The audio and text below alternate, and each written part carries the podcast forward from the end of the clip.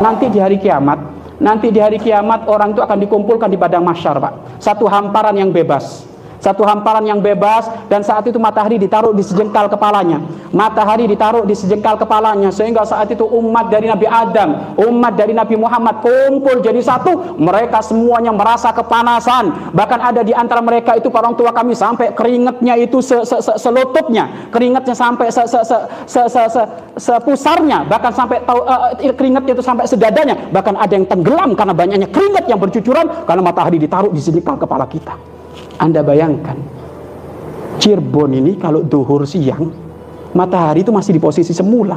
Anda di kantor nggak pakai AC itu, masya Allah keringetnya kayak apa? Itu matahari masih taruh posisi semula. Besok itu matahari taruh di jengkal kepala kita oleh Allah. Siapa pun itu, siapa pun. Tak taunya Pak, lagi semuanya kepanasan kayak gitu, tak taunya di atas ada rombongan waktu kami. Rombongan yang ternyata di depan ada orang yang wajahnya bersinar cahaya dan rombongan itu dinaungi oleh awan sehingga tidak kepanasan itu matahari nggak kepanasan dengan matahari. Sehingga orang-orang yang di bawah tadi melihat melongok ke atas gitu eh, siapa itu? Siapa itu? Siapa itu? Maka saat itu ada yang ngomong itulah Nabi Muhammad dengan rombongannya. Itulah Nabi Muhammad dengan umatnya. Itulah Nabi Muhammad dengan pecinta-pecintanya maka orang yang di bawah tadi angkat tangan ya Rasulullah ya Nabi Allah jangan tinggal aku.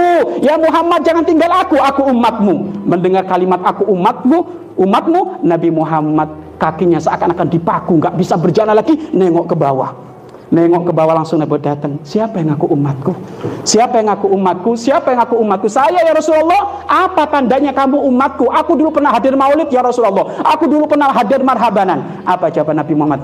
Kamu mengenal aku di mulutmu saja tapi nggak sampai masuk ke dalam hatimu. Sehingga perilakumu bukan kayak perilakunya umatku tapi kayak perilakunya orang-orang yang nggak kenal aku. Maka sekarang kamu aku tinggal. Orang ini ngaku sebagai umatnya tapi nggak diaku oleh Nabi Muhammad. Malu orang ini sampai jari jemarinya digigit pak.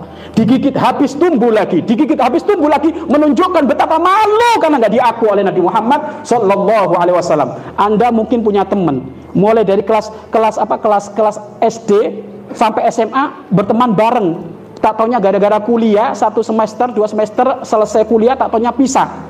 Tak taunya ingat lagi ketemu lagi di teman kerja seperti ini.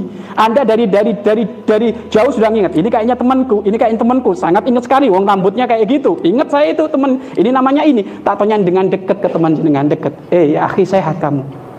Kamu yang namanya ini kan? Tiba-tiba temannya itu teman teman anda. Tak tahu teman anda ngomong siapa kamu? Saya nggak kenal sama inti ayo gimana? Ngenesnya hati kita itu teman mulai dari SD sampai SMA kita deketin atau siapa kamu. Saya nggak kenal sama inti. Ini pak urusan nggak diaku oleh teman begitu sedih kita. Gimana nanti kita nggak diaku oleh Nabi Muhammad Shallallahu Alaihi Wasallam?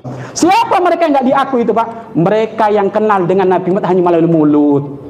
Nggak sampai masuk ke hatinya pak. Nggak sampai masuk ke hatinya